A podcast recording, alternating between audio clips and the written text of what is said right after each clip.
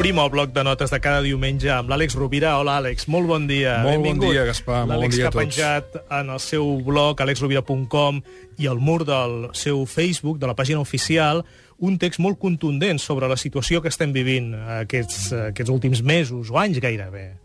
Sí, és un, és, un, és un text que porta com a títol Ho sabem tots, però potser...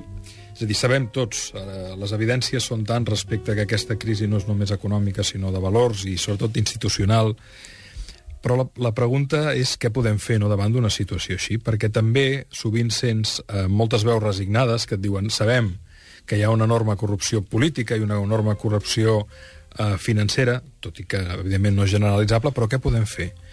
Jo crec que um, si nosaltres cuidem la nostra parcel·la, si cada qual cura, té, té cura molt bé de la seva parcel·la, pot canviar el món, no?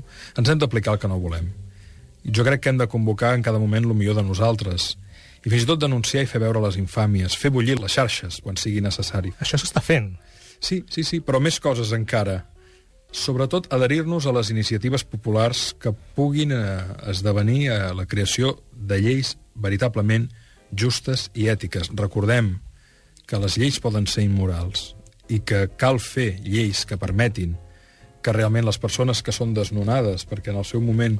És cert que van contraure un, com- un compromís, però potser el van contraure enganyades en alguns casos o convidades a no llogar una vivenda i a comprar un habitatge. Aleshores, i després una altra cosa, les entitats financeres, si en aquell moment van taxar amb un preu tan alt allò que ara no val, eh, doncs també han d'assumir una part, eh, o bona part de la responsabilitat. No, no, fer, no, no amagar ni fer-nos eh, ni fer-nos còmplices del, dels butgins de la nostra societat.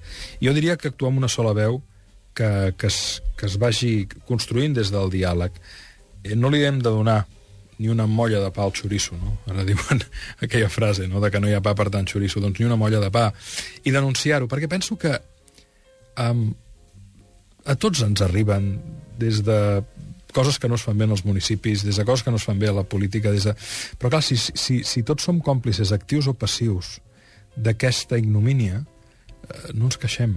I si podem fer quelcom per mobilitzar-nos a una escala massiva per transformar allò que no funciona, fem-ho. Perquè millor el canvi per convicció que no per, eh, per compulsió, perquè pot ser que, que les coses, si segueixen així, agafin un caire que, que ningú no desitja. I crec que tenim molta més, molt més poder del que imaginem. I ho hem dit moltes vegades, i no m'extendré gaire, no? però en l'acte de compra, on dipositem els nostres diners, en les petites accions quotidianes, eh, són les que marquen la gran diferència. Bloc de notes d'Àlex Rovira. Moltes gràcies, Àlex. Moltes Fins diumenge, una abraçada. Una abraçada a tots.